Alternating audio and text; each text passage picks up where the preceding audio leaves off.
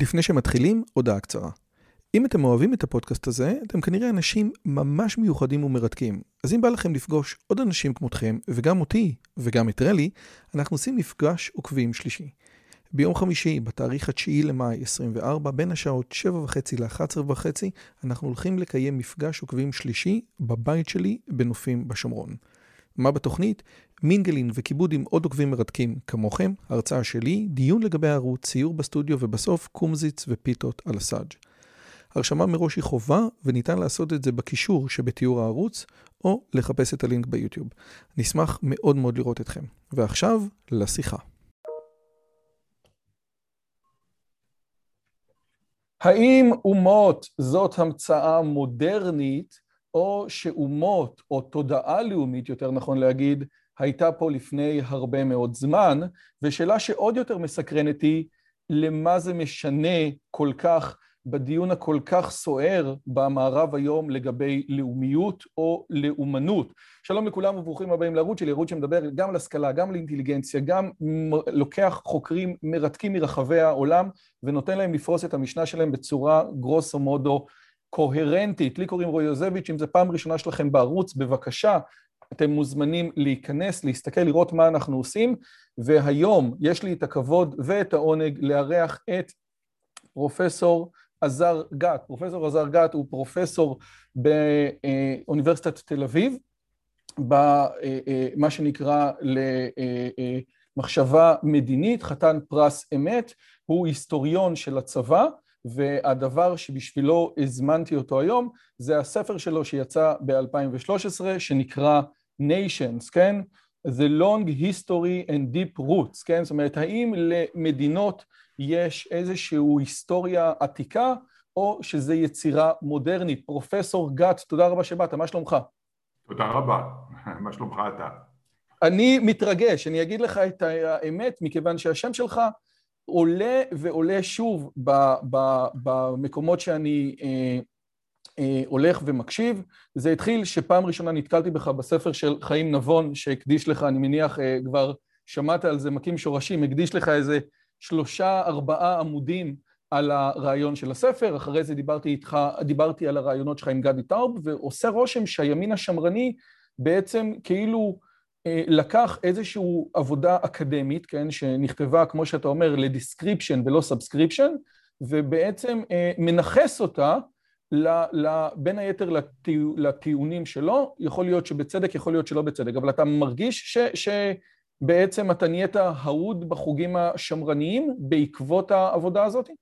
כן, זה גם לא פלא, אני מבקר את התפיסה האקדמית הנוכחית, שבמידה רבה מזוהה, הייתה מזוהה לאורך המאה העשרים עם התפיסה הפרוגרסיבית. אני לא יכול להגדיר את עצמי כשמרני, אני גם לא מגדיר את עצמי כפרוגרסיבי, אני מבחינה של השקפת עולם אם רוצים גם התחלה השקפה פוליטית, אני איש מרכז, במונחים האמריקאים independent, אני יכול ללכת לכיוון הזה, לכיוון הזה, אני פתוח לשמוע טיעונים משני הצדדים, אני חושב שה case ים, שהמקרים, הסוגיות הן תמיד הרבה יותר מורכבות, יש לא מעט טעם בדברים שנשמעים משני הצדדים, סקוט פיצ'גרלד פעם הסגיר את החוכמה העליונה, הגדיר את החוכמה העליונה כיכולת לתפוס שתי נקודות מבט מנוגדות בעת ובעונה אחת, אני חושב שזה חסר לנו הדבר הזה, ולכן לא אכפת לי שמנכסים אותי מכאן ומכאן, אבל אני פשוט מגדיר איפה אני נמצא. קודם כל, העיקר שקוראים אותך, אז תראה, בדרך כלל כשאני מדבר עם חוקרים, אז קודם כל אני נותן לחוקר להסביר את התזה שלו, ואז אני תוקף אותו. הבעיה שהתזה שאתה תוקף היא כל כך לא מובנת, שחייבים להסביר אותה. בעצם הטענה שלך זה שעמים, או, או עמים היו פה תמיד. עוד פעם, אנחנו עוד מעט נדבר על ההבדל בין עמים לבין תודעה לאומית, ועושה רושם של כל מי שקורא היסטוריה שהדברים האלה ברורים. כאילו, מאה שנה צרפת נלחמת באנגליה, ממלכת ישראל הקדומה, ולכן, מה שאני אעשה ברשותך, זה אבקש ממך להיות פרקליטו של השטן, או לנסות להסביר את הגישה השנייה, רק כדי שהקהל שלא מצוי בזה יבין מה פירוש העניין שעמים מומצאים, או אם אני אצטט אותך, כן? הגישה המודרנית מסבירה את הלאומיות כתופעה מודרנית וכקונסטרוקציה חברתית טהורה, אם לא מלאכותית. אלו מילים שלך. אז אולי נתחיל מזה שתסביר לי מה הצד השני אומר, כי זה נראה ממש מטורף. מצוין. אז קודם כל אני רוצה לשים את האצבע על דבר שבעצם אמרת, וזה כשאומרים לקהל הרחב שלא למד באוניברסיטה בחוגים המסוימים האלה, שלאומים זה דבר חדש ולא קיים היה לפני המודרניות, זה דבר שאת הקהל הרחב מפתיע. זה נראה לו counter אינטואיטיבי לחלוטין. זה כשלעצמו כמובן לא פוסל את הטענה הזאת. יש דברים שבאמת אה, נניח, אה, וזאת, וזאת באמת הטענה המודרניסטית, שקיימים במישור אה, מיתי או אחר בדעת הקהל, בגדר של אמונה פופולרית, וכאילו המדע או המלומדות, המלומדים מפריחים אותה, אז זה כשלעצמו לא פוסל, אבל נכון אמרת שהציבור הרחב שלא למד באוניברסיטה למזלו לא מבין את ה...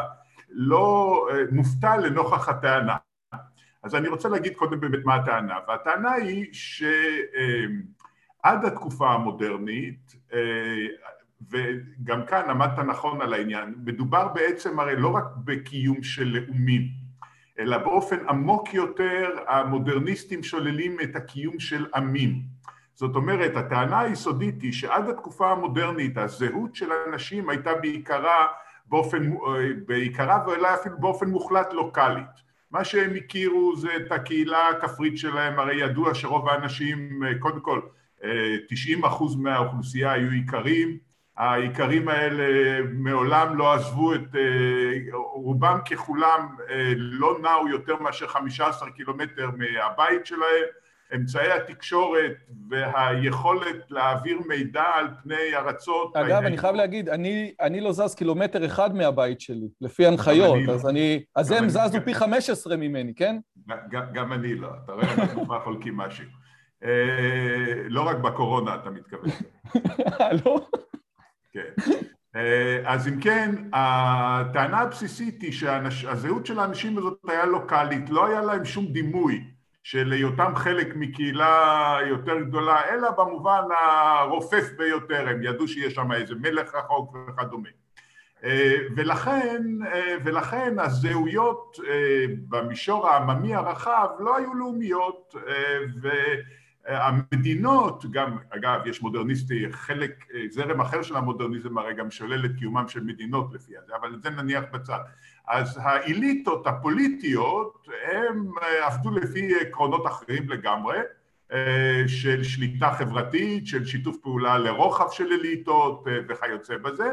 והעיקרון הלאומי הוא דבר שנוצר רק בתקופה המודרנית, יש מחלוקת בין המודרניסטים על איפה בדיוק הוא נוצר, חלק מצביעים על הופעה של הדפוס סביב 1500 באמצע המאה ה-15 וההתפשטות שלו, הדבר הזה קשר את האנשים, אלה שידעו קרוא וכתוב, קשר אותם במערכת של אה, מידע ודימויים משותפים מכיוון שהם קראו את אותה דיאטה של ספרים ולאחר מכן גם כתבי עת ועיתונים וכיוצא בזה אז יש כאלה שרואים את ראשית התהליך סביב 1500 ואילו אחרים אומרים שהתופעה אה, באמת קשורה למהפך האדיר ביותר בתולדות האנושות מאז המעבר לחקלאות והופעת המדינות לפני אלפי שנה וזה המהפך במאה ה-19 הידוע בתור המהפכה התעשייתית שבין היתר גרם לכך שהאוכלוסייה אה, שקודם לכן הייתה מפוזרת על פני הארץ ומנותקת עכשיו היגרה רובה ככולה לערים אה, ושם היא הפכה להיות אה, א', א', כמובן צפופה ביחד וב' קיבלה חינוך אה, בבתי ספר שהדגישו מסורות לאומיות וחינכו אותם אה, בדרך הזאת, עברו תהליך של סוציאליזציה כזה, שירתו בצבא, אה, גיוס חובה שגם כן גיבש את התודעה הלאומית וכיוצא בזה.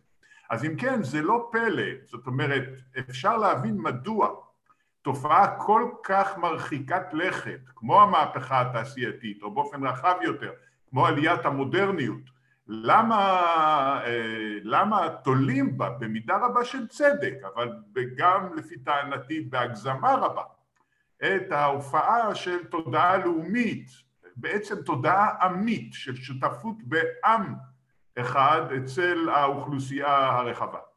טוב, אז בכנס שדיברת באוניברסיטת תל אביב, מישהו שאל אותך, רגע, האם הרגש הלאומי או הזהות הלאומית או ההשתייכות המודרנית זהה למה שהיה במאה ה-15 בצ'כיה? ואז אמרת, תקשיב, ברור שזה שונה, הכל שונה, המהפכה התעשייתית שינתה הכל, ואז אתה מחדד עוד איזושהי נקודה שהיא כן מעניינת לגבי האם הדיון הוא סמנטי, כאילו למה אנחנו מתכוונים כשאנחנו מדברים, אבל מקובלנו מקרל פופר, שכאשר אתה תוקף טיעון, אז עדיף להגדיל ולחזק את הטיעון ואז לתקוף אותו. אז למעשה, אנדרסון, שהוא אחד הנציגים, כן, של, ה, ה, ה, של התפיסה המודרנית, שכתב את הספר קהילות מדומיינות, הוא מגדיר את הלאומיות, אני מקריא, כקהילה מדומיינת, משום שאפילו באומה הקטנה ביותר, אין החברים בה מכירים את רוב החברים האחרים. ועם זאת, בתעודתו של כל חבר באומה, יש דימוי של שייכותם לאותה קהילייה. אז בסופו של דבר, סליחה שאני אומר, עושה רושם שאנדרסון צודק, אני לא מכיר את רוב הישראלים, אז, אז זה באמת מדומיין, זה, זה לא כיסא שאתה מצביע עליו. לא, ברור שזה מדומיין, על זה אין מחלוקת. המחלוקת לא אם הקהילות האלה מדומיינות במובן שאנדרסון מגדיר אותו, זאת אומרת שאנשים מכירים, לא מכירים אחד את השני אישית, אלא יש להם אה, דימוי שהם שייכים לאותו זה. הדימוי הזה הוא כמובן אה, לא אומר... לא אומר שזה דבר דמיוני, זה אומר שזה דבר מדומיין, אה, ככה גם אנדרסון תופס את זה. השאלה היא לא לגבי זה, השאלה היא אם בתקופה הפרה-מודרנית, אם ניקח לפי אנדרסון, אם לפני הדפוס, היה לאנשים דיון כזה, האם קהילות מדומיינות לאומיות התקיימו לפני המאה ה-16, לפני 1500, והתשובה על זה לדעתי היא חד משמעית. אם אתה רוצה אני גם טיפה אפרט אה, כן, איפה אבל, אנדרסון כן, עוד, עוד מעט, אנחנו, יש לנו גם, עשינו מחקר על אנדרסון ו, ויש לנו כמה תיאוריות שאנחנו רוצים אה, אה, אה, אה, לתת לך לביקורת, אבל אני רוצה רגע להבין משהו. במלחמת מאה השנים בין אנגליה לבין צרפת, אותו עיקר שמכריחים אותו להילחם, כן? או אתה מדבר על ז'אן דארק, כן? מה קרה לז'אן דארק כשהיא אה, אה, אה, הגיעה והגנה על המולדת? אותו עיקר שנלחם, הוא נלחם רק מתוך איזשהו, מתוך זה שהוא צריכים לשלם לו, או, או אין לו בכלל תודעה לאומית של אנחנו מולהם? זה בעצם הגישה המודרנית, זה מה שהגישה המודרנית אומרת, שאותו בן אדם שגר, אני לא יודע מה, בחברון ועולה לבית המקדש ב, ב, בשלושת הרגלים, כן? ורואה את כל עם ישראל, הוא לא חלק מתוך תודעה קולקטיבית ישראלית? אז אתה, אתה מעלה כמה סוגיות ביחד. קודם כל, איכרים לא שירתו בצבא הצרפתי במאה ה-15 ובמאה ה-14. כן, המלחמה נוהלה על ידי צבאות של אבירים, על ידי כוחות שכירים וכיוצא בזה. חלק מהם גדול זרים. אבל באמת מלחמת מאה השנה היא דוגמה טובה, והזכרת שאני באמת לוקח את ג'אן דאר כאיזה מקרה פרדיגמטי. הבחורה הייתה בת איכרים מלורן, בכפר נידח. מאיפה היא ידעה שבארצה נפלשה על ידי פולשים זרים ושהם חייבים לעזוב את צרפת, זה גם מה שהיא אמרה במשפט שלה. ויש לנו ברוך השם את, ה... את העדות המלאה מפיה משום שהאינקוויזיציה כתבה אותה. אז היא ממש מדברת אלינו במילותיה. מאיפה היא יודעת את כל הדברים האלה? וזה מביא אותנו באמת לנקודה שאנדרסון החמיץ, והיא שאומנם האנשים האלה אכן לא ידעו קרוא וכתוב, אה, אבל, רובם ככולם, העיקרות כמעט כולה לא ידעה קרוא וכתוב, אבל קראו להם והטיפו להם, בין היתר בכנסיות שהיו תקועות בכל פני השטח, ולפני הכנסיות במקדשים, בכל פני השטח. אני אומר כנסיות במובן הרחב, ולא לפני זה במקדשים. גם אחרי זה במקדשים, במקומות אחרים בעולם. אתה יודע, תתחיל ממצרים הקדומה, כאשר האנשים האלה עלו למקדש, הם שמעו מפי הכהן את המסרים הלאומיים, חלק מהם היו חקוקים על קירות המקדש והכהן היה מפרש אותם, הגברת ג'אן דארק הייתה חשופה לדרשות של הכומר מדי יום ראשון ושם, שמע, ושם היא שמעה על האנגלים המנוולים שפולשים לארצנו ובדרך כלל הכנסיות כמעט ללא יוצא מן הכלל היו בעלי זיקה לאומית וזה נכון אפילו לגבי דתות אוניברסליות. שלא לדבר על זה שקודם לכן בעת העתיקה וכדומה הדתות היו באופן מפורש לאומיות אבל גם דתות אוניברסליות, הנצרות כביכול וכדומה, הכנסייה המקומית הייתה בעלת תודעה לאומית חזקה. ולכן האנשים האלה שמעו את זה כל הזמן. מכיוון שנגעת גם בעם ישראל העתיק, אז אני רוצה להגיד מילה גם על זה, משום שבאמת אצל חלק גדול מהמודרניסטים, לא אצל חלק מהיורשים שלהם הישראלים הנוכחים, אבל אצל המודרניסטים הקלאסיים נתחיל מהנס קון שכאילו ייסד את המודרניזם בשנות ה-20 וה-30, הם באמת הביאו את עם ישראל הקדום כיוצא מן הכלל. והם אמרו, בגלל העובדה שהאוריינות הייתה הרבה יותר נפוצה בתוכו, בגלל ההתרכזות בלימוד התורה שהאוריינות באה לשרת אותו, אכן אפשר לראות את עם ישראל הקדום כבעל תודעה לאומית. אה, אבל אני אומר, גם אחרים, אה, כולם, כולם ידעו שהם שייכים לעם ולאומה הזאת, אה, והם נחשפו למסרים האלה בכל מקום. הדוגמה, הדוגמה של בתי המקדש, של המקדשים היא רק אחד, אבל הדוגמה האחרת נוספת זה כמובן האפוסים הלאומיים. האפוסים הלאומיים הם מחשיב רב עוצמה שחוגג את הגיבורים שלנו כנגד האויב וכיוצא בזה, זה קיים בכל מקום אה, וכדומה. ואחד הראיות שיש לנו אה, לכך, כי הרי האנשים האלה, תראה, המסר המודרניסטי או התזה המודרניסטית במידה רבה נחה על השתיקה. מכיוון שהאיכרים לא ידעו לכתוב ולקרוא, אז אין עדויות מהם. הם לא השאירו לנו עדות שמהם אנחנו יכולים ללמוד האם היה להם תודעה לאומית או לא. אז אבל כשאנחנו בודקים מה הם עשו, למשל כאשר הייתה פלישה של אויב זר שסיכן את קיום האומה, אנחנו הרבה פעמים רואים את האוכלוסייה הזאת המדוכאת של העיקרות שמדוכאת על ידי האצולה, על ידי המלוכה וכדומה, קמה בהמוניה אה, כדי להתקומם כנגד הפולש, אה, למרות שלכאורה הם היו משועבדים גם ככה, מה אכפת להם למי הם משועבדים? והדבר הזה קורה מתוך רגש לאומי. עכשיו, לפי מה שאתה טוען, זה חלק מהנקודות ש...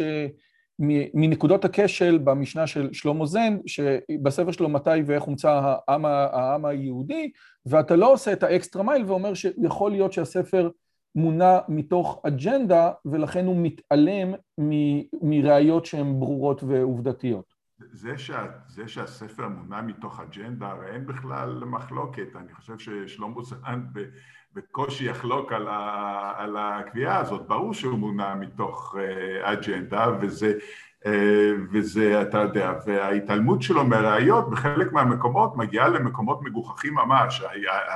למשל, העדות הגנטית מצביעה על כך שרוב הגדול של הקיבוצים היהודיים ברחבי העולם, בפזורה, או מי שרוצה להגיד בגולה, לא משנה, בפזורה היהודית אה, הם אה, קרובים אחד של השני גנטית, המחקר הגנטי בעשורים האחרונים מראה את זה בצורה חד משמעית, והם שונים מאוד מהאוכלוסיות שבו הם גרים. עכשיו זנד, שהוא נושא דגל הרציונליות, מסרב לקבל את העדות של המחקר הגנטי. בכל מיני טיעונים מגוחכים, שאחד מהם זה שהמחקר הגנטי זה טוב לטיפולים רפואיים, אבל לא להתחקות אחרי היסטוריה של אוכלוסיות. למה לא? בוודאי שכן. אנחנו עושים את זה לגבי כל הלאומים,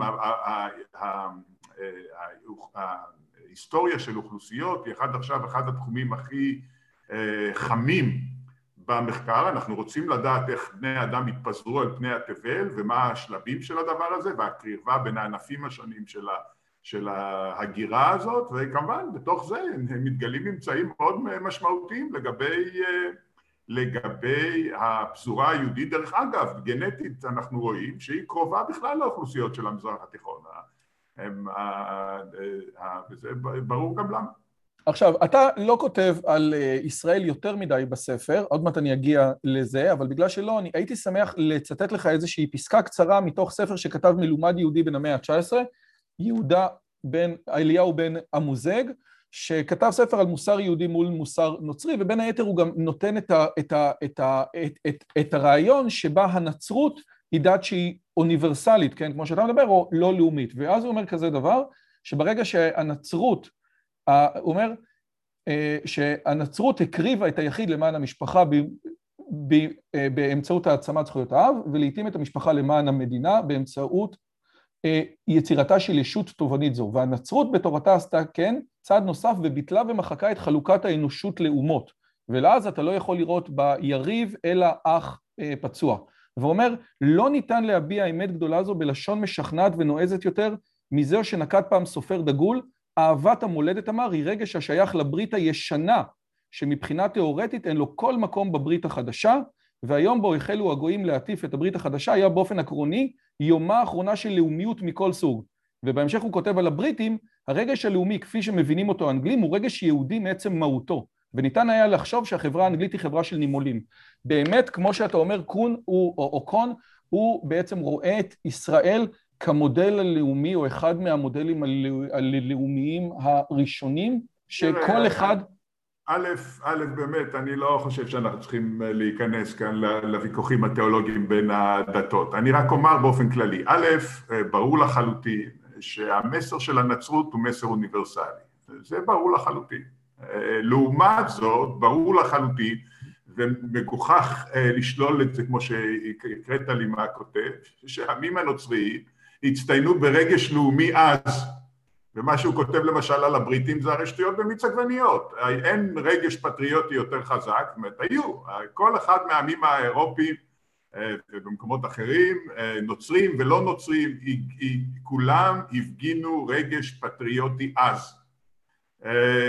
כמובן בצד זה היה מחויבות שלפעמים היא יותר קטנה ולפעמים היא יותר גדולה לערכים אוניברסליים ולזהויות אוניברסליות אבל אף פעם הרגש הלאומי גם כאשר התפיסות האוניברסליות היו בשיאם ואנחנו נמצאים או נמצאנו לפני עשור ברגע כזה גם אז כמובן התפיסות הרגש הלאומי לא נעלם מי שחשב ככה לפני עשר שנים קיבל את מה שקרוי התחייה הלאומית בתור בומרנג עצום בפנים בין היתר זה קרה בגלל כריאקציה נגד לתפיסה הזאת של, של לאומים הם לא קיימים, הם לא חשובים, הם לא לגיטימיים, הם לא מוסריים וכיוצא בזה.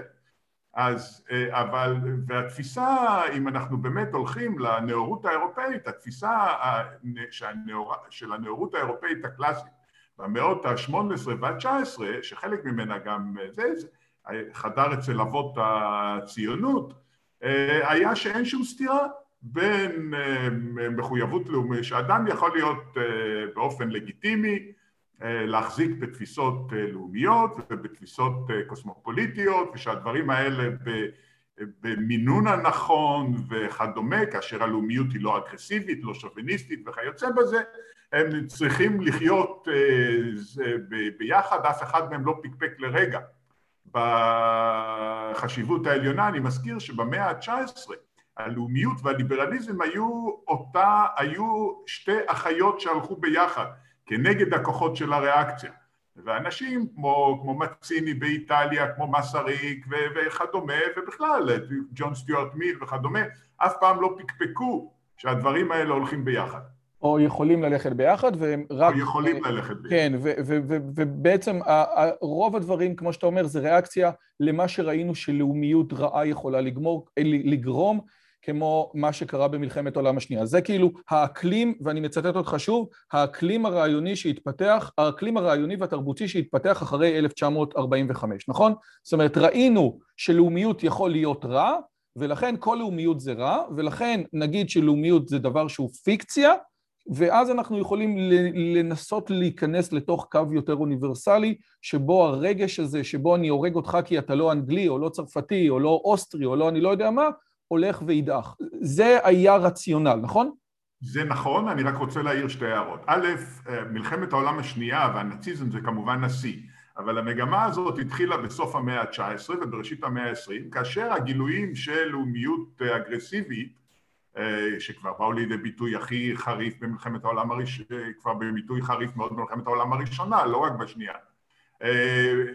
הצד הזה של הלאומיות, הלאומיות כאלים מאוד, כאגרסיבי מאוד, הרבה פעמים כרצחני, כמובן, כמובן כבר בלט מאוד, והדבר הזה הביא להסתייגות הולכת וגוברת של הליברליזם. מהלאומיות, כאמור, זה דבר שמתרחש כבר מסוף המאה ה-19, ודאי בתחילת המאה ה-20 וכדומה. זאת אומרת, מלחמת העולם השנייה היא רק שיא של הדבר הזה. עכשיו, לגבי הסיבות לעלייה של, הליב... של המודרניזם, אז מה שאתה אמרת הוא כמובן נכון, האלמנט הנורמטיבי הוא שם, אבל יש מעבר להיבט הנורמטיבי עוד אמת, עוד אה, היבט אחד, וההיבט הזה הוא לא נורמטיבי, הוא קוגניטיבי, וזה באמת הנחת היסוד ובמידה רבה הטעות הגדולה של מדעי החברה ומדעי הרוח במאה העשרים, וזה התפיסה שהכל מעוצב חברתית, הכל מעוצב תרבותי. זה כמובן בא כ... במידה מסוימת זה היה התקדמות על מה שבא קודם לכן, זה היה התקדמות מול התפיסה התמימה שמה שה... שמעוצב בטבע האנושי הוא. לא- אי אפשר כאילו לשנות אותו, זה נכון לגבי המון דברים, לגבי יחסי כן. המעמדות, לגבי היחסים בין המינים והרבה דברים אחרים, אבל זה הביא לקיצוניות ההפוכה של מה שסטיבן פינקר קרא לו המיתוס הזה של הלוח החלק. אה, והתפיסה שכל כך מעוגנת, ואנחנו עדיין, כל מי שהולך לפקולטאות האלה, למדעי החברה ולמדעי הרוח, עדיין קולט אותה בצורה כל כך רחבה, שהכל מעוצב חברתית, שהטבע האנושי הוא, הוא מושג לא רק אה, פיקטיבי, אלא גם ריאקציוני, אה, ושתי התפיסות האלה שכביכול מוציאות אחת את השנייה, הם כמובן הבל גמור. יש יחס גומלין עמוק בין שני הדברים האלה, הטבע האנושי והתרבותי, לכל אחד מהם יש יכולת, אה, אה, יש השפעה מרחיקת לכת על העיצוב של המין הזה שנקרא המין האנושי.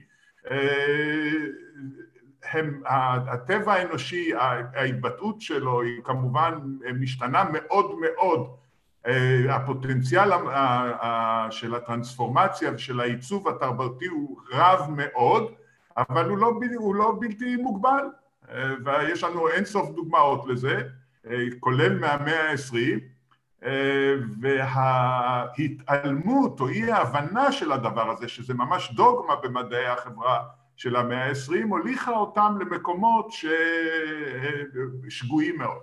אגב, אני פעם, אה, כמה פעמים גם בערוץ הזה, אני ציטטתי את תומאס סואל, שדיבר על זה שההבדלים בין הקבוצות האתניות בארצות הברית, בתחילת המאה ה-20 יוחסו לגזע, ובסוף המאה ה-20 על ידי אותן קבוצות יוחסו לגזענות. זאת אומרת, אם פעם זה היה הקטע הגנטי, שזה מה שמבדיל, היום זה רק הקטע החברתי. ואני רוצה לשאול אותך, דווקא בגלל שאתה שייך לבית הספר להיסטוריה, או, או, או, או היית שייך, נכון? היום אתה כבר לא שם, אבל אתה... אתה... לא, לא, לא, לא הייתי שייך אף פעם. אני גם היסטוריון, גם מדען חברה, גם מדען מדינה. אני שייך לבית הספר למדע המדינה ויחסים בינלאומיים. אבל למדת בבית הספר להיסטוריה. כאילו, אתה... לא, אני עשיתי בבית הספר להיסטוריה, כן. אז את ההשכלה, כאילו, זה, זה מה שאתה אמרת, שאת ההשכלה שלך היא היסטוריה. אז אני רוצה לצטט אה, אה, אה, בן אדם שאני מאוד הערכתי ואפילו זכיתי להיות אצלו כמה פעמים, ארסגור, הטענה שלו זה. שאליזבת הראשונה, בעצם כאילו הדבר המשמעותי לגבי המלחמה של אליזבת הראשונה, גם בפיליפה וגם אחרי זה מול אה, בלאדי מרי, היה שהרגש הלאומי הבריטי גבר על הרגש הדתי של פרוטסטנטים אל מול קתולים, וזה משהו שקורה לא בתקופה המודרנית. זאת אומרת, בפעם הראשונה אנשים אה, אה, בעצם, הרעיון של אני בריטי כן? היה יותר חשוב בתודעה הלאומית שלהם מאני קתולי או פרוטסטנטי, דבר שבאמת עשה הרבה מאוד בלאגן. האם אתה אז, מקבל את התיאוריה של הרסגור? אם תרשה לי, אני רק רוצה לתקן קצת את האמירות האלה. א', אנחנו מדברים לא על בריטי כמובן, אלא על אנגלי. אנגלי, נכון, סליחה. ב', אה, המודרניסטים יגידו לך שאין שום רבותא בדבר הזה, כי באמת, באמת במאה ה-16, התחלה של אה, תרבות דפוס וכדומה. אבל, מש, אבל הדבר הכי חשוב בעניין הזה שזה בכלל לא נכון, זה לא פעם ראשונה ולא שום דבר. מריבויות כאלה בין לאומים שהתגברו על, ה, על המחסומים, על קרבת הדת וכדומה, הם לחם חוק, כולל בימי הביניים האירופאיים, אין בזה שום, אין בזה שום דבר מיוחד.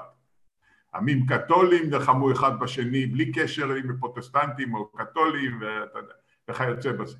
טוב, אז אני רוצה רגע לקחת את זה לשלב אולי מתקדם יותר. אתה בעצם אומר, הטענה של המודרניסטים אומרת שרגש לאומי זה דבר שמנהיגים עושים עליו מניפולציה. הטענה שלך כשלעומת זאת אומרת, יש מנהיגים שעושים מניפולציה, אבל העובדה שהם יכולים לעשות מניפולציה, היא אומרת שרגש אמיתי כזה קיים. יש דוגמאות לרוב, הרעיון הזה של הגוש הסובייטי, שברגע שהוא נפל, כל מדינה חזרה אה, לאותה זה, לא הצליחו 50 שנות טרור ודיכוי לייצר, או 50 או 40 שנות טרור ודיכוי, לייצר איזושהי זהות סובייטית, פן-סובייטית משותפת.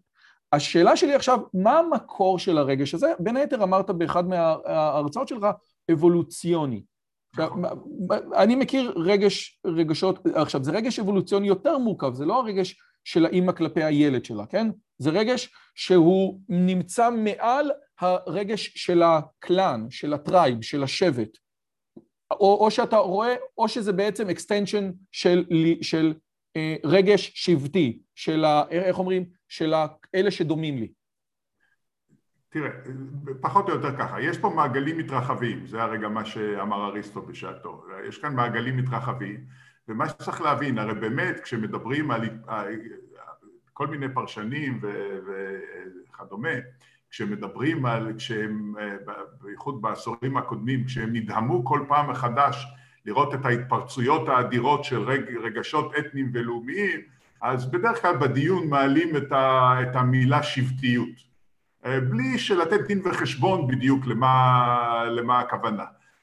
ואם נחזור רגע לעידן הטרום-מדינתי, המדינות הרי זה בסך הכל דבר חדש, המדינות הראשונות כמו מצרים הופיעו, המצרים העתיקה הפרעונית הופיעו לפני, לפני חמשת אלפים שנה וכיוצא בזה, אז הרוב הגדול של ההיסטוריה האנושית, של המין שלנו, הומו ספיאנט, שהוא בין 150, 200 אלף שנה כבר, אז הוא, הוא, הארגון האנושי היה ארגון שבטי, וכשמדברים על ארגון שבטי אז מדברים על מעגלי שארות ובמעגלי השיירות האלה אה, המשפחה היא כמובן המעגל המצומצם והחזק ביותר, אבל הוא לא המעגל היחיד, מעבר לו יש אה, מעגלים רחבים יותר של שיירות, בני דודים שניים ושלישיים, שהם הרי בעצם מרכיבים את השבט, והם כל הזמן חוזרים ומתחזקים על ידי ניסויים פנימיים בתוך השבט. אה, מה ששוב ושוב מדביק את הקבוצות האלה בזה, וכמובן כשאנחנו מדברים על המין האנושי אז הקרבה הגנטית הזאת גם מתחזקת על ידי העובדה שלשבט יש בדרך כלל תרבות משותפת, קודם כל יש לו שפה אה, אחת ויש לו הרבה מאוד אה, מרכיבים אחרים של התרבות הזאת ולכן זה הופך את השבט ליחידה מאוד קוהרנטית. וכדי להבין איך חברות השארות האלה שעד לא מזמן, עד לא מזמן אני מתכוון עד לפני כמה אלפי שנה, בחלק מהמקרים עד כמה, לפני כמה מאות שנים, בחלק מהמקרים, אה, כמו שאנחנו רואים במזרח התיכון של היום, עד היום. האמירויות, האמירויות. כדי להבין את ההיגיון של הפעולה שלו, אני מפנה אותה, את כולנו לפתגם הערבי, שאומר, אני נגד אחי, אני ואחי נגד בן דודי, אני אחי ובן דודי נגד יתר העולם. ככה זה עובד, זאת אומרת בתוך השבט היריבות בין המשפחות היא גדולה מאוד, זה לא, אנחנו יודעים בתוך המשפחה יכולה להיות יריבות גדולה בין אחים על ירושות, על כל מיני דברים. אה, שיכולה להתלקח עד כדי, אה, עד כדי אה, ביטויים מאוד, מאוד מרחיקי לכת.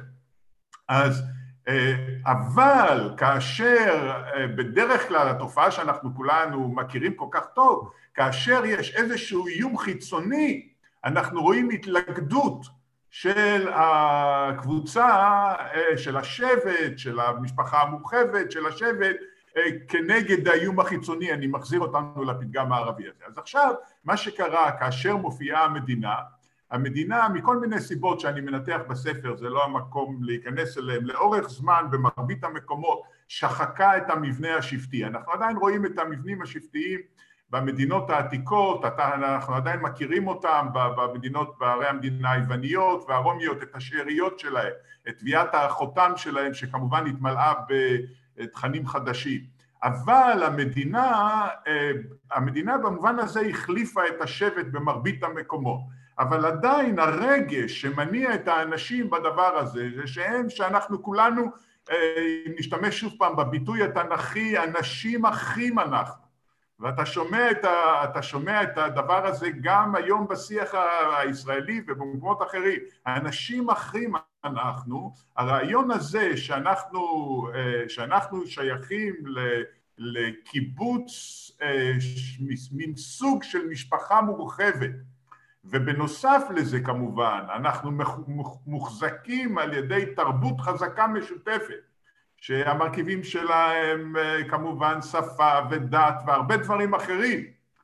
אה, הדבר הזה הוא אה, כמובן באופן לא ספציפי, זאת אומרת אם תעביר ילד, תינוק או ילד לעם אחר והוא יגדל שם, כמובן אין לו העדפה גנטית לעם שבו הוא נולד, יש לו העדפה גנטית לזהות את אלה שקרובים לו מסביב, את אלה שמדברים כמוהו והולכים כמוהו, ואתה יודע, כמו אותו הברווז המפורסם, הוא לזהות אותם כקבוצת השארות והתרבות המשותפת.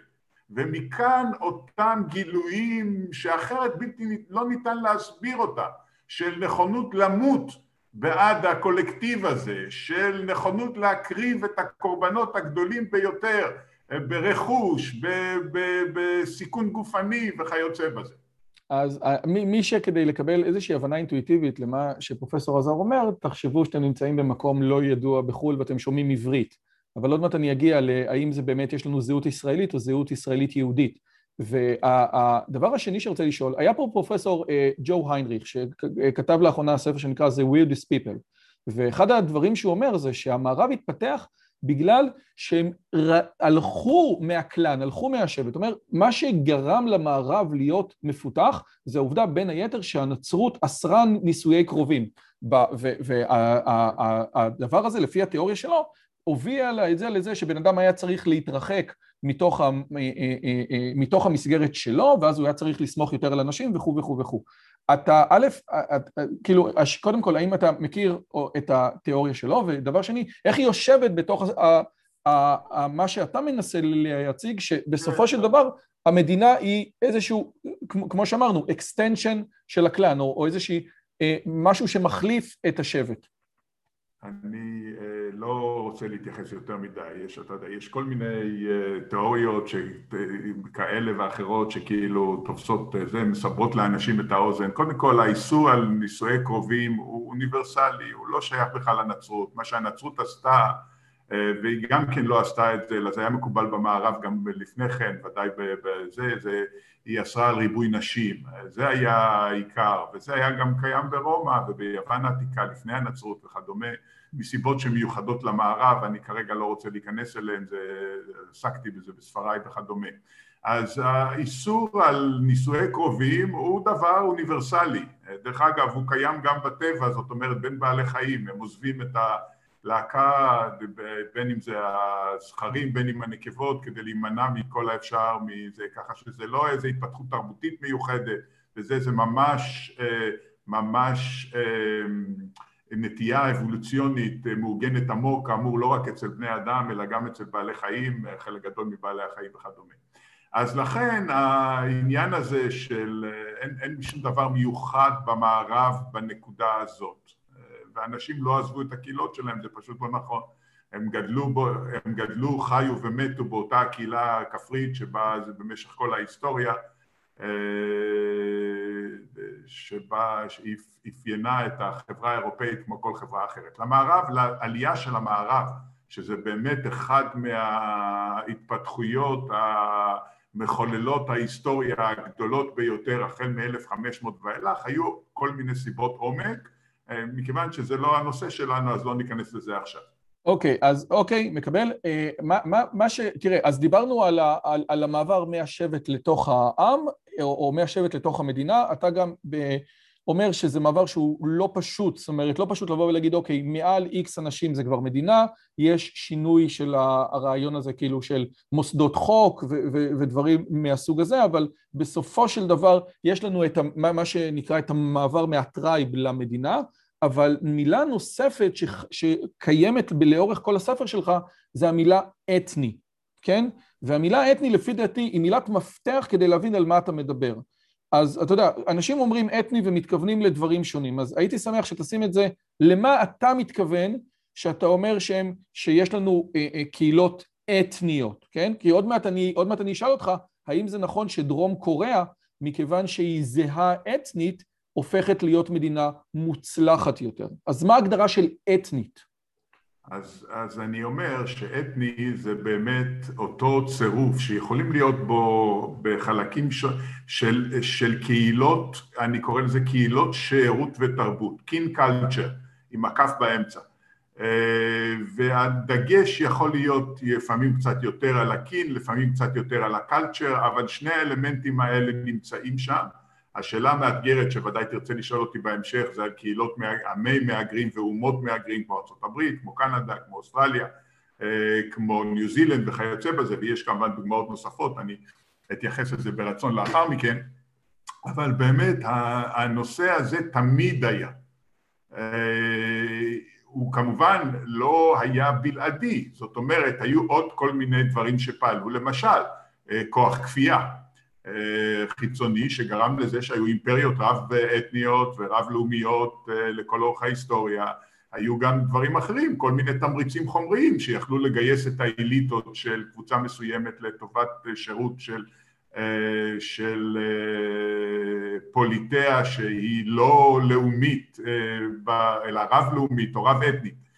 והיו תהליכים של גיוס וקואופטציה על הבסיס הזה כמובן, אז לכן אימפריות רב לאומיות, רב אתניות הם לחם חוק בהיסטוריה. אה, אבל סליחה רגע, אבל גם אתה אומר, סליחה, שאותן אימפריות בנויות עדיין על איזשהו משהו אחד, אה, אה, על מדינה אחת, ומשם הן מתפזרות. זאת אומרת, הם... הרוב, הרוב הגדול של האימפריות, וזה אני עושה בספר, אבל צריך לעבור אחד-אחד כדי להבין את זה ולפרש את זה יותר. הרוב הגדול של האימפריות נשען על, על עם אימפריאלי, או על אתנוס אימפריאלי. אה, שבו על הנאמנות שלו ועל הכוח שלו הוא נשען אה, בשביל אה, להשליט את עצמו על יתר המרכיבים האתניים והלאומיים והעממיים באותה אימפריה. והדבר הזה ידוע, אתה יודע. ידעו, אני יודע, שהאימפריה הצארית נשענת בראש ובראשונה על העם הרוסי ועל העוצמה שלו ועל הנאמנות שלו, וזה לא, וזה לא אומר שאליטות. לא רוסיות בתוך האימפריה לא יכלו להיות משרתים נאמנים שלה, הם היו קשורים בקשרים של, אה, של, אה, אה, של איך אומרים? benefit, של... מסחר ושל פינוקים שהם קיבלו. של תמריצים מסוגים שונים. טובות הנאה, טובות הנאה.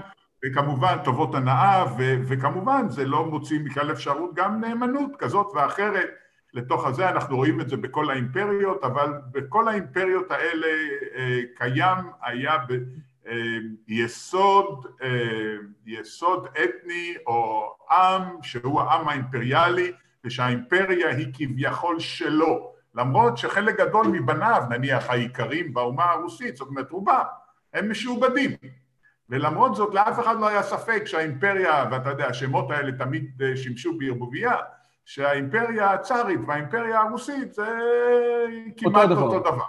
אוקיי, אז אני רוצה לשאול את אותה שאלה לגבי חברת מהגרים, אבל להקשות עליך עד כמה שאני יכול. גדי טאוב אמר פעם שאם ארצות הברית זאת חברת מהגרים עם עתיד משותף, ישראל זאת חברת מהגרים עם עבר משותף, כן? אנחנו... עכשיו, הרעיון לגבי, אני לא מדבר על ישראל עדיין, אני מדבר על ארצות הברית. הטענה היא שאומנם ארצות הברית היא חברת מהגרים חדשה, זאת אומרת לא היה לה אלפי שנים או מאות שנים, אולי, אתה יודע, 150, 200 שנה, לייצר אה, אה, אה, אה, אה, אה, סיפורי מיתוס ודת, אבל אותם 13 מושבות בסופו של דבר היו יחסית הומוגניות, הגיעו מאזורים דומים באירופה, ולכן ארצות הברית ככלל היא, היא, א', היא באמת דוגמה מיוחדת, אבל עדיין מבחינה אתנית היא הייתה מאוד מאוד מאוד דומה, וכאשר היא התחילה, היא הפסיקה להיות דומה, ב, ב, נניח במאה ה-19, הקהילה השחורה, אנחנו רואים את הבעיות. אז, אז אתה, אתה מוכן לחדד את זה? האם זה נכון כן, מה שאמרתי? כן, שאומנם... אז בוא נתחיל, אז בוא נתחיל בזה שבאמת אמריקה ביסודה הייתה לה זהות אה, אתנית מאוד מאוד ברורה, נשים היו רובם ככולם, היו כמובן חריגים, פרוטסטנטים, קווקרים. כמה גרמנים וכיוצא בזה, שדרך אגב בנג'מין פרנקלין ראה את הגירה הגרמנית בתור איום על, על האופי של האומה האמריקאית והזהיר מפני זה וכדומה, לא חשוב, זה קוריוז. אז אה, באמת האופי היה אופי אנגלוסקסי מובהק, האנשים האלה רובם ככולם הגיעו מהאיים הבריטים, דיברו את השפה האנגלית, היו פרוטסטנטים uh, וכיוצא בזה, וזה היה חלק בלתי נפרד מה, באמת מהזהות המשותפת שהביאה אותם uh, להגדיר את עצמם כאומה, והדבר הזה גם נאמר בהכרזת העצמאות האמריקאית וכיוצא בזה. זה נכון כמובן, או לא, לא שזה נכון, זה נכון מאוד שבמהלך המאות שבאו לאחר מכן, זה מתחיל פחות או יותר מאמצע המאה ה-19 ומתגבר בהמשך, בסוף המאה ה-19 ובוודאי מאז ששונו חוקי ההתאזרחות באמצע שנות ה-60 שפתחו את ה... ביטלו את ה... את המכסות האתניות להגירה לארצות הברית, שהן מכסות שנקבעו בשנות ה-20, אה, הרי זה מה שסגר את שערי אמריקה בפני היהודים והביא אותם את העלייה הרביעית ואת העלייה החמישית לארץ ישראל ולא לאמריקה.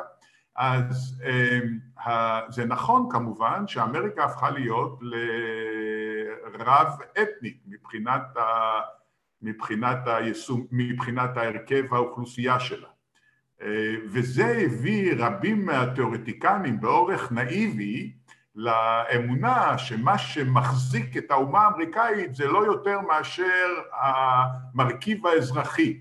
זאת אומרת, העובדה שהם כולם אה, באופן עקרוני אמורים לקבל את החוקה, גם זה נמצא קצת בשחיקה לאחרונה, אמורים לקבל את החוקה ולהצהיר נאמנות לארץ החדשה שלהם. זה כאילו במאה, מאמצע המאה העשרים התיאורטיקנים הראו את זה, את הזהות האזרחית, את הלאומיות האזרחית הזאת, כמה שמגדיר את האומה האמריקאית, וזה כמובן, אה, לא כמובן, אז אני אומר, זה הבל, כי מה שכל התיאורטיקנים האלה החמיצו זה את העובדה שהמהגרים לארצות הברית, גם כאשר אה, הם שומרים על זהות, ולא והזהות הזאת הולכת ונשחקת אה, לאורך השנים. אנשים שמים לב לדוגמאות של זהויות שנשחקות פחות, היהודית הייתה כזאת הרבה זמן, עכשיו פחות, אה, כמובן השחורה וכדומה, אבל רוב האמריקאים כעבור כמה דורות, קודם כל בדורות הראשונים, הם ממירים את השפה שלהם, הם עוזבים את השפה הישנה של הארץ הישנה, מאמצים את האנגלית, הם יותר ויותר אה, הם אה, רוכשים את התרבות האמריקאית שהופכת להיות התרבות שלהם, אנחנו כולנו יודעים מה זה התרבות האמריקאית על כל, אה, על כל המנהגים, הקונבנציות, הטעמים וכדומה וכדומה, אז הדבר הזה מתחזק מדור לדור. וכמובן מהדור, ומהדור השלישי בערך אנחנו רואים את התופעה של נישואי תערובת.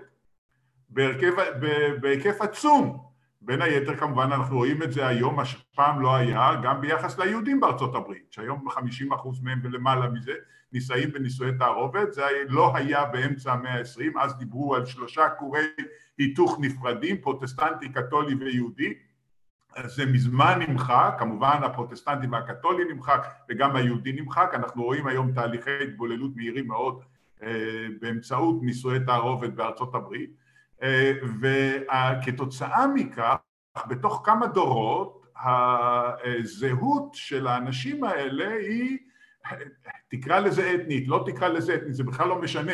מה שמשנה הוא שהזהות שלהם היא מעל הכל זהות כלל אמריקאית.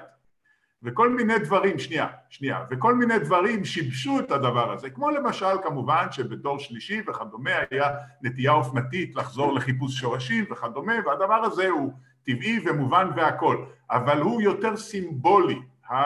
המהות היא כזאת, אה, חלק גדול כמובן מהאנשים, התוצאה היא שכשהם צריכים לפרט את האנססטרי שלהם, את המקורות שלהם, אז הם אומרים, אנחנו אה, רבע סקוטים, רבע גרמנים, רבע פולנים, הדבר הזה הפך להיות אה, לחלוטין, אתה יודע, ג'ניפר אניסטון חברים. היא חצי יווניה וחצי, נדמה לי, לא זוכר, נדמה לי אירית או סקוטית, כבר לא זוכר, אחד מהשניים. הזהות שלה היא יוונית או אירית, הזהות שלה היא אמריקאית, היא כלל אמריקאית, והיא דור שני בסך הכל להגירה. מה נגיד על, על, על שני הנשיאים רוזוולט, שהזהות האתנית שלהם היא הולנדית? בגלל ששלוש מאות שנה קודם לכן הם זה, ברור שהזהות שלהם, תקרא לה אתניות או לא, היא זהות אמריקאית, וללא התרבות ותחושת הזהות המשותפת הזאת, לא הייתה קיימת אומה אמריקאית. זה... טוב, אז עכשיו אני יכול להקשות עליך, מכיוון שאתה בעצמך אומר שוב ושוב את הנושא של נישואי תערובת. אה, אה, גם, אה, זו אגב, אחד הבסיס, אני חושב הבסיס המרכזי של התזה של מרדכי קדר לגבי תוכנית האמירויות, זה שעם פלסטיני לא קיים מכיוון שהם לא מוכנים לייצר נישואי תערובת, שזה הבסיס של עם. שאלה מעניינת לגבי ארצות הברית זה מה קורה לגבי הקהילה השחורה והלבנה, שעדיין הנישואי תערובת שם זה לא רוצה להגיד קוריוז, אבל עדיין במספרים בוודאי יותר נמוכים ממה שקורה עם היהודים, אבל בואו נלך לאירופה. עכשיו, אתה כתבת את הספר שלך ב-2013. ב-2019 יצא המוות המוזר של אירופה, זאת אומרת, כשאתה כתבת את הספר, אנחנו התמודדנו עם המשבר של יוון, אבל מאז שכתבת את הספר, יש לנו ברקסיט, יש לנו מדיניות הגירה שבעצם, כמו שדגלס מרי אומר, אותם טורקים בגרמניה לא רוצים לקבל את התרבות הגרמנית, אותם מהגרים לא רוצים לקבל.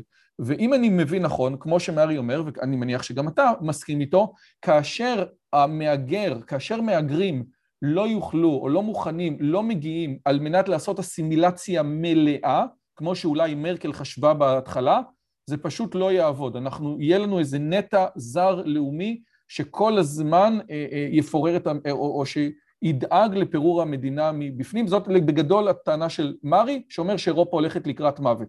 האם מאז 2013, כשאתה רואה מה קורה באיחוד האירופי, ואני מזכיר שוב, רק שניים, ברקסיט מול אה, אה, מדיניות ההגירה, אתה אומר, תקשיב, הם, הם כאילו איבדו את זה לגמרי. העובדה שהם פספסו את הקונספט הלאומי, זה היה בעוכרם עד כדי אה, התאבדות ממש. אני לא יודע למה פתחת בזה שאתה רוצה להקשות עליי, אני רואה שאתה רוצה לעזור לי. את הספר כמובן כתבתי לפני שכל הדברים האלה קרו.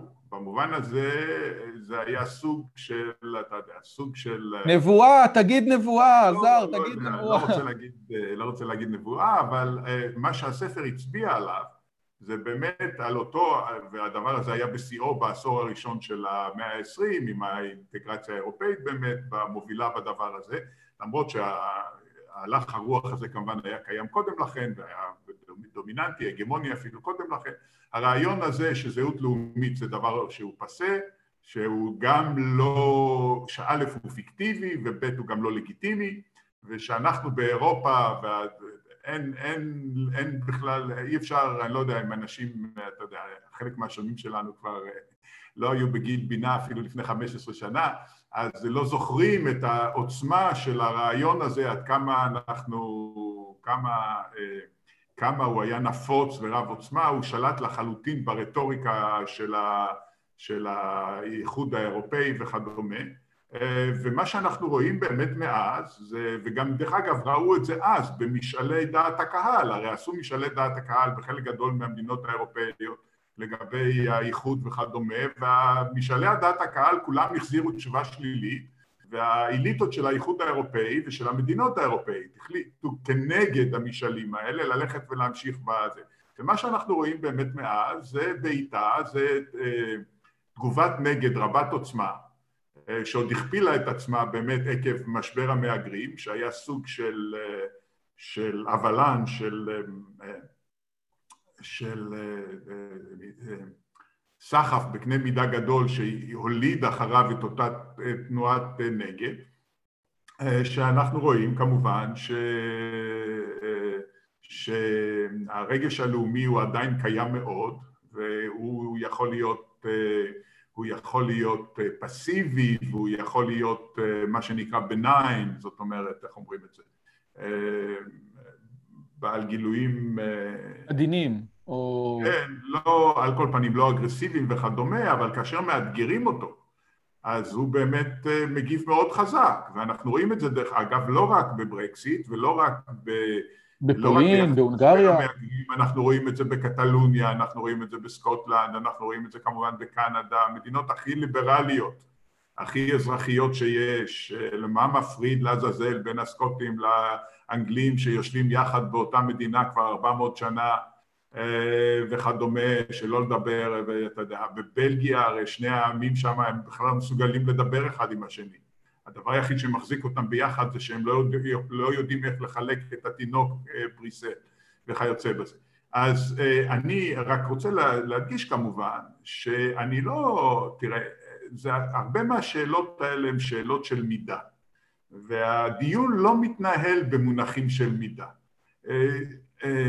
הגירה היא חלק בלתי נפרד מהמציאות המודרנית ויש לה כל מיני סיבות וזה גם, אתה יודע, זה כמעט, וחלק מהביטויים שלהם, זה, ההגירה עשתה את ארצות הברית, אין מה לדבר על זה, היו לה התנגדויות לכל האורך, אין שום ספק שהיא יצרה ארצות הברית הרבה יותר חזקה והרבה יותר משגשגת ממה שהייתה קודם, כולל בגלל ההגירה היהודית שגם אותה אף אחד לא אהב, אני יכול להבטיח לך וכיוצא בזה. אבל, אבל הכל הוא עניין של מידה, זה עניין של מספרים, זה עניין של באמת, כמו שאמרת, של נכונות להשתלב. אז כל מדינה וכל לאום יכולים לשאת בתוכם מיעוטים שהם לא משתלבים בהגדרה כזאת או אחרת של המושג משתלבים וגם כמובן גם בהקשר הזה יש ספקטרום רחב באיזה, במה הם משתלבים, במה הם לא משתלבים וכדומה. אבל בנקודה מסוימת, וזה אנחנו רואים כרגע את ההתפרצות הזאת גם בארצות הברית וגם במערב אירופה, בנקודה מסוימת יכולה, יכול להיווצר מצב שהעמים מגיבים בתגובה שאומרת עד כאן אתם כבר, זה עבר את הגבולות שאנחנו רואים אותם כסבירים וכאשר גם עצם הטיעון הזה, הלגיטימיות שלו נשללת בהרבה מקומות הוא נקרא פשיזם וכיוצא בזה, אתה יודע, הוא מקבל כינויי גנאי של... המילה לאומיות היא מילה גסה yeah. בשיח המודרני. הופכת להיות למילה גסה בחלק גדול מהשיח, וחוסר, והתנגדות להגירה, ובוודאי להתנגדות בהגירה בקנה מידה גדול, בוודאי להתנגדות בהגירה לקנה מידה גדול של אוכלוסיות שההשתלבות שלהן היא על פניה תהיה קשה, ובעייתית וכדומה, כל האלה מוצאים, נקראים בכל מיני שמות, קסנופוביה, אנטי אסלאמיות, פשיזם וכיוצא באלה. אז הדבר הזה כמובן, התוצאה היחידה שלו זה רק שהוא מקצין את השיח מהצד השני. אגב, אלכס יעקובסון, כן, שכתב את ה... אני מצטט מחיים נבון שכתב, או, ש, אז, או, או שנעזרת בו עם הספר, אז אני לא יודע בדיוק מה זה, הוא אומר, אלכס יעקובסון תמה על כך שדווקא חסידי זכויות האדם, הדורשים ממדינות העולם להכיר במיעוטים הלאומיים הנמצאים בהם, כופרים בזיקה המהותית שבין המדינה לבין העם ובמושג מדינת לאום. במקום שיש מיעוט לאומי, אומר יעקובסון, יש בהכרח גם רוב לאומי, והוא קובע את צביונה הלאומי של המדינה. אז זה, זה, זה עוד פעם, זה חלק ממה שאנחנו אומרים, נכון? זה... אז, אז, זה, אז זה באמת, כאן צריך להגיד כמה דברים. קודם כל, אלכס כמובן חברי הטוב מאוד, וב' אני צריך להגיד גם שהוא כתב פרק אה, בספר עצמו. הנה, אתם רואים, הש... השם שלו פה. אלכסנדר יעקובזון.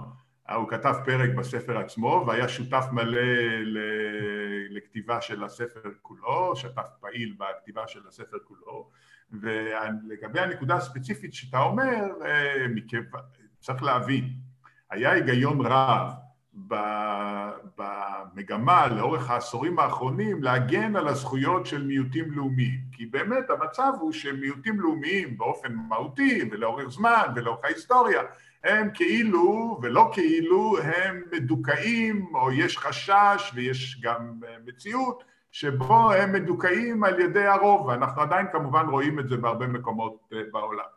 ולכן המגמה הזאת היא מובנת, ואפשר להגיד גם יש לה ערך נורמטיבי משמעותי וכדומה, אבל מה שקרה בתהליך הזה הוא שבאיזשהו שלב שכחו שגם, אתה יודע, שגם לרוב יש זכויות מסוימות, תרבותיות ואחרות. יש כאלה שאומרים שבג"ץ, שאהרון ברק... והדבר הזה בא לידי ביטוי היום בספרות, יש אורגד במרכז הבינתחומי בהרצליה שכתב על זה ספר מוצלח ומצליח על השאלה הזאת אם, אם לרוב אין גם כן זכות להגן על הצביון, על הצביון שלו וכדומה.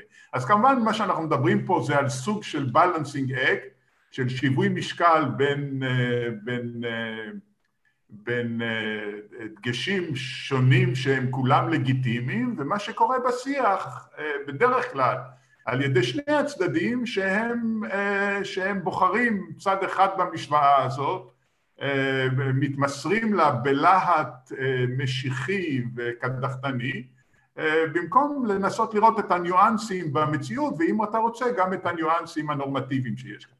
או, אז השאלות הבאות שלי, קודם כל תודה, השאלות הבאות שלי קשורות, אני, יש בחור בשם שי רוזמן שהוא מומחה לתרבות אסיה שעובד איתי וכששמע, הוא, הוא, הוא שמע שאתה בא אז הוא אמר תקשיב יש כמה שאלות שאנחנו חייבים לשאול אותו. אז, אז השאלה היא האם לפי דעתך כמו שיש failed state, כן, מדינות נכשלות, יש דבר שנקרא fake state, מדינות שהן מומצאות, אני אתן שתי דוגמאות כדי שהדברים יהיו ברורים יותר נניח ניגריה ופקיסטן, אבל פקיסטן זה באמת דוגמה נהדרת, שזה אמלגם של זהויות, אפילו השם פקיסטן, כן, זה איזשהו ראשי תיבות של כל הסיפור הזה, לא מצליחים לייצר שם שום דבר, ובעצם הנה, אם, אם, אם, אם אני קורא את הספר שלך, Nations, ואני אומר, אוקיי, מה מדינה מרכיבה, אז, לא, אז כל מה שמדינה מרכיבה, לפי עזר גת, לא קיים, לא בפקיסטן ולא בניגריה, ולכן דינה של מדינה כזאת היא, היא, היא, היא, היא להיעלם, היא לא תחזיק מעמד כי היא לא יושבת על שום יסודות whatsoever. אתה מוכן לקבל שיש מדינות שהמציאו אותם, אבל מכיוון שאין להם את היסודות שאתה מדבר עליהם, הם לא יחזיקו מעמד? תראה, זה עוד פעם עניין אה, הרבה יותר ניואנסי מזה. צריך להכיר בזה, כמו שאתה אומר בצדק, שחלק גדול מהמדינות בעולם, זה רווח מאוד באפריקה, זה קיים בדרום, בדרום אסיה ובדרום מזרח אסיה, חלק לא מקטן מהם הם מדינות שבאמת את המרכיב של לאום במובן הקלאסי שאנחנו מדברים עליו לא קיים שם. וחלק גדול מהמדינות האלה קיימות לא עשרות, עשרות שפות ולעיתים מאות כמו בניגריה, כמו באינדונזיה, כמו בפיליפינים וכיוצא בזה, כמו בהודו אה, ולכן באמת השאלה היא מה האלטרנטיבות. והאלטרנטיבות הן מצד אחד אה, חזון כזה של התפרקות לגורמים כי מעבר לזהויות אה, שבטיות קטנטנות שבנוסף לזה מעורבבות אחת בשנייה זאת אומרת שבט אחד יושב בטריטוריה של שבט שני וה, והסיכון הוא סיכון של מלחמת עולם, מלחמת הכל בכל. אה, בתוכם, זה גם כן חזון, אה, אתה יודע, שאנחנו לא היינו רוצים לראות אותו, והוא גם קיים כמובן באפריקה ובמקומות אחרים, אה, הוא קרה בסודאן, ועכשיו בתוך דרום סודאן הם נלחמים ביניהם. אה, שנייה רגע, לא, סליחה, כן, סליחה. אז כמובן הסיכון הזה קיים גם כן, ויש אפשרות אחרת, היא לא חופשייה מבעיות, להפך, היא מלאה בעיות. וזה של ניסיון של מה שנקרא בניין אומה. בתוך הדברים האלה. חלק מהניסיונות האלה מצליח יותר, אני רוצה לתת לך את הדוגמה ההודית, שהיא כמובן, יש שם עשרות שפות, אה, כפי שאתה יודע בהודו. אה, אין הודית, למרות מה שישראלים אה, לפעמים אומרים, אתה יודע, אין שפה הודית. יש, יש אנגלית בעצם, השפה של הכובש. בדיוק ככה, לא, יש, שפת, יש שפה אחת הרבה יותר גדולה, וזה ההינדי. אה, אבל, אבל אה, השפה המשותפת היא הרבה פעמים האנגלית. דרך אגב, אותו דבר קורה ב, ב, ב, במערב אפריקה וכדומה. הרבה פעמים השפה הקולוניאלית היא השפה של בתי הספר. אה, אותה מאמצים כשפה לאומית בבתי הספר, במערכת החינוך וכיוצא בזה.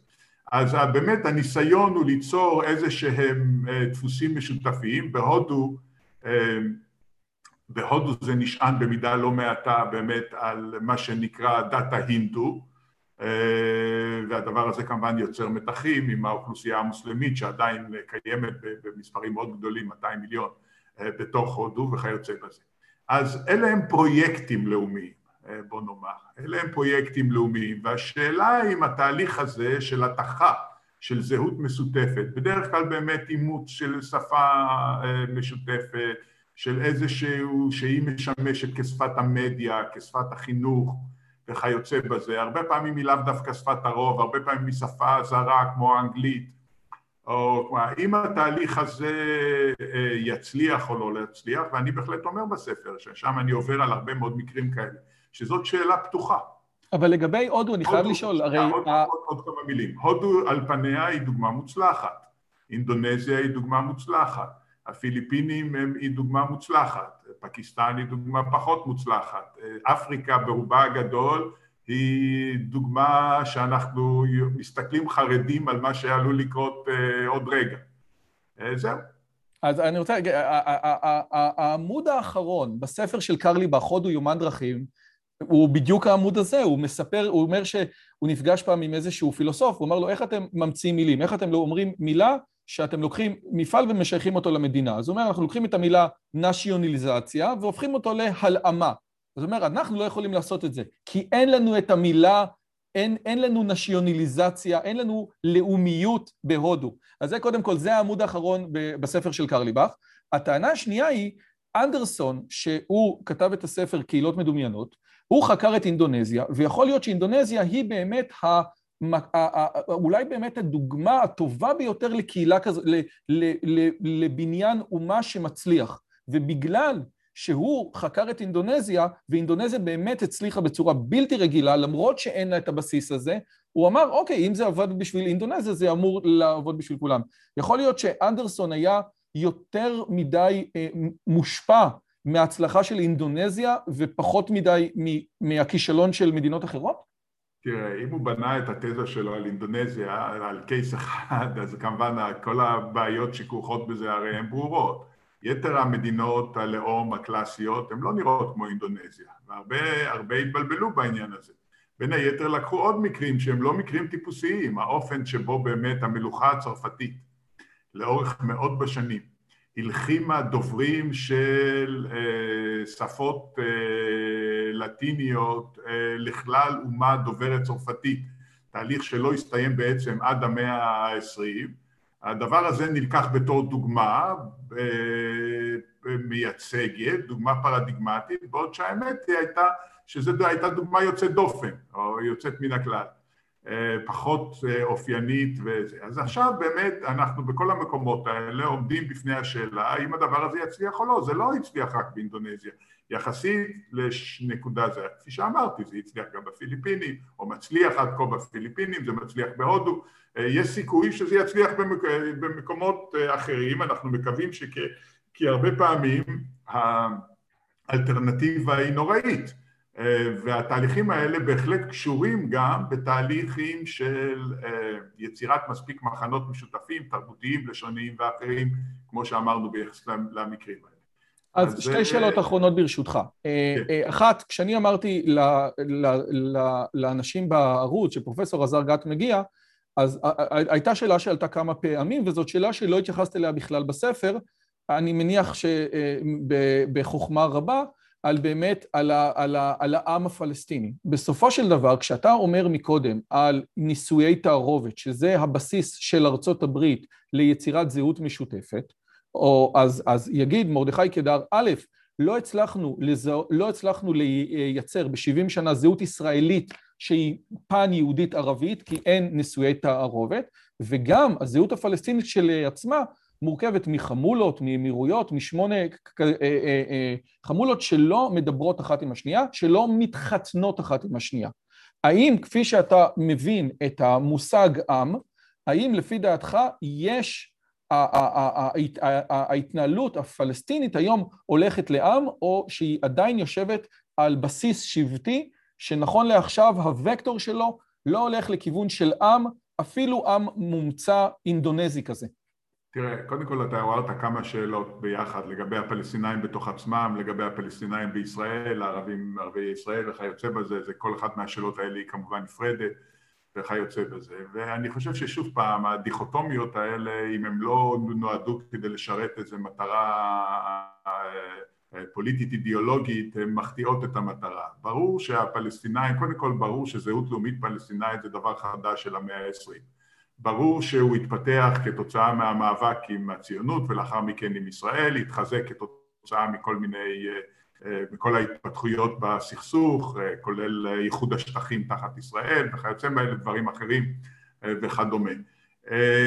ברור גם שהזהות הפלסטינאית היא הרבה יותר פריחה מאשר זהויות מבוססות אחרות, ידועה האמירה המפורסמת של אותו אינטלקטואל מצרי בשנות השלושים שיש רק חמש אומות אמיתיות במזרח התיכון, או ארבע, אני לא זוכר, מצרים, טורקיה, איראן, אה, מה הוא אמר על זה, וכל היתר זה שבטים עם דגל.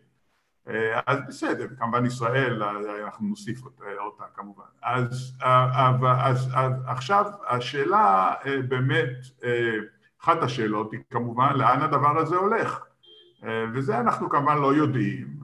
החברה הפלסטינאית היא ודאי מזוהה, כמו החברה הערבית בכלל, עדיין התפקיד של השארות החמולתית והאחרית והאחרת היא עדיין מאוד חזקה, כמובן הזהות האסלאמית היא חזקה וכיוצא בזה. היא עוברת כמו כל החברות בעולם, המזרח התיכון מפגר בתהליך הזה, היא עוברת תהליך של מודרניזציה שבהכרח משנה הרבה מהדפוסים האלה, הם כבר לא יושבים בכפר, הם יוצאים ככוח עבודה שכיר לעבוד במרכזים עירוניים, הדברים האלה מוכרים, הם קרו במקומות אחרים, הם מתעכבים במזרח התיכון, יש גם כמובן מאפיינים ייחודיים לחברה במזרח התיכון, בכלל זה לפלסטינאים, ולכן השאלה לאן בדיוק תתפתח הזהות הלאומית הפלסטינאית, שבלי שום ספק קיימת, יודע, זה עניין גם כן של של אה, כמות, אבל היא בלי שום ספק קיימת. לאן היא תתפתח, ולא פחות חשוב מזה, מה יהיה העתיד הפוליטי שלה, זאת שאלה פתוחה, אנחנו אין לנו בדיוק את התשובה לזה.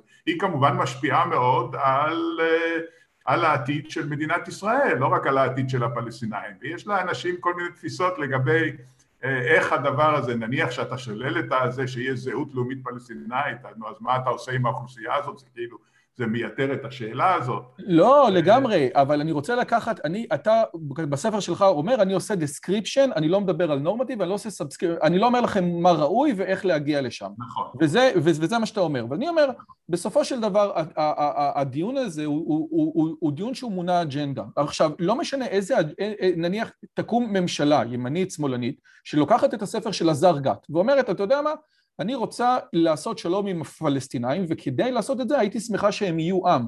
האם אני מבחוץ יכולה לזרז תהליכים כדי לקחת שבטים ולהפוך אותם לעם? אתה אומר, ו... אני לא יודע. קודם כל, קודם כל, הפלסטינאים הם לא שבטים. המבנה החמולתי הוא חזק מאוד כמובן, אבל הם לא שבטים. דבר שני, יש מקומות שיש בהם שבטים, אתה יודע, שבטים בדואים במקומות שהם עוד לא התיישבו וכדומה. אבל החברה הפלסטינאית היא לא חברה שבטית, היא חברה חמולתית, היא חברה מחולקת על, על פי בסיס מקומי וכדומה, אבל היא לא חברה שבטית במובן הזה.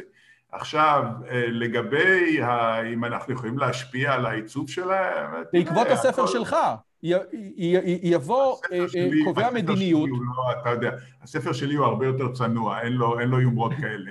היכולת שלנו להשפיע על החברה האחרת, על החברה הפלסטינאית כמובן, היא כמובן קיימת, דברים שמדינת ישראל תעשה ישפיעו, אבל היא בערבון מוגבל מאוד, אני רוצה להזכיר לך שאנחנו אפילו על החברה הישראלית היכולת שלנו להשפיע היא מאוד מוגבלת, ואתה יודע, אנחנו רואים דוגמאות מסביבנו היום, ואנחנו אה, שקועים בשאלות שקשורות לדבר הזה.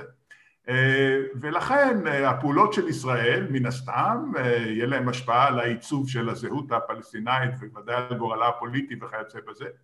אבל היכולת הזאת כאילו לעצב את הזהות הפלסטינאית מצידנו היא יחד עם זה מאוד מוגבלת, זה ברור. אז אוקיי. לגבי ערביי ישראל, אז כמובן צריך להגיד, וזה בהקשר הישראלי, אז כמובן צריך להגיד שהזהות האתנו-לאומית שלהם היא חד משמעית אה, באופן, באופן רחב אה, אה, ערבית, לגבי רובם מוסלמית, לגבי רובם גם פלסטינאית בתור מרכיב כזה או אחר, אבל צריך לציין ביחד עם זה שה...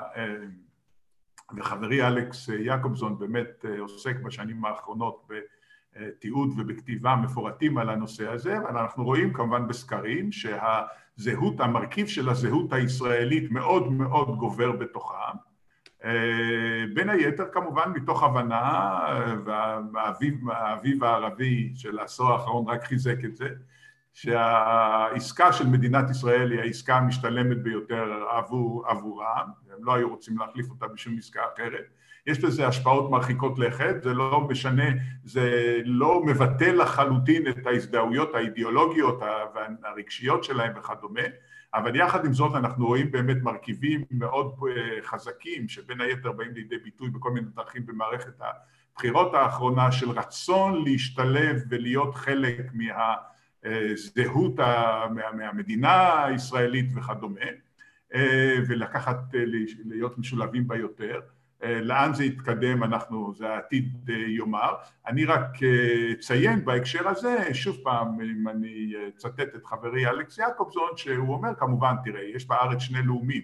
במדינת ישראל יש שני, שתי זהויות לאומיות, הלאום, הלאום הישראלי-יהודי והלאום הערבי, אבל יחד עם זה, כפי שמציע אלכס, אנחנו יכולים לראות היווצרות גם של סוג של זהות על, שאלכס אה, מציע לה את השם אה, לא זהות לאומית, אבל זהות אומתית, אומתית מלשון אומה, כן.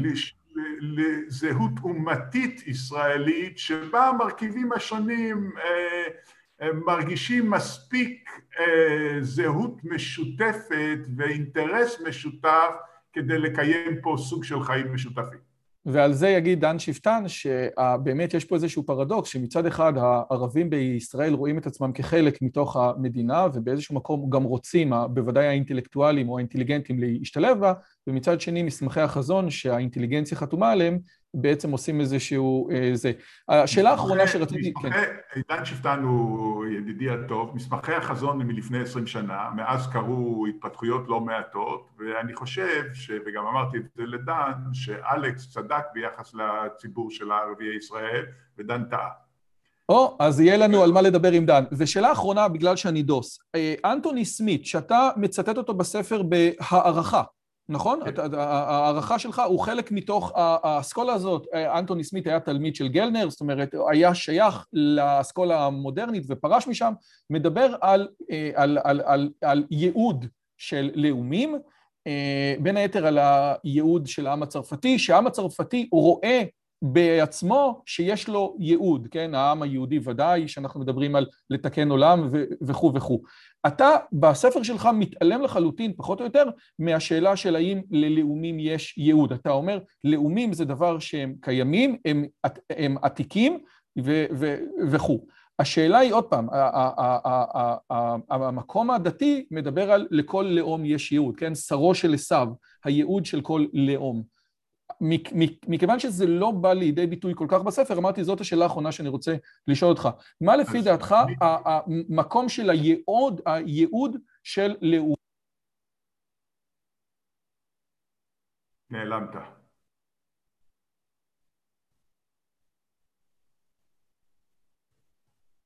לא שומעים אותך.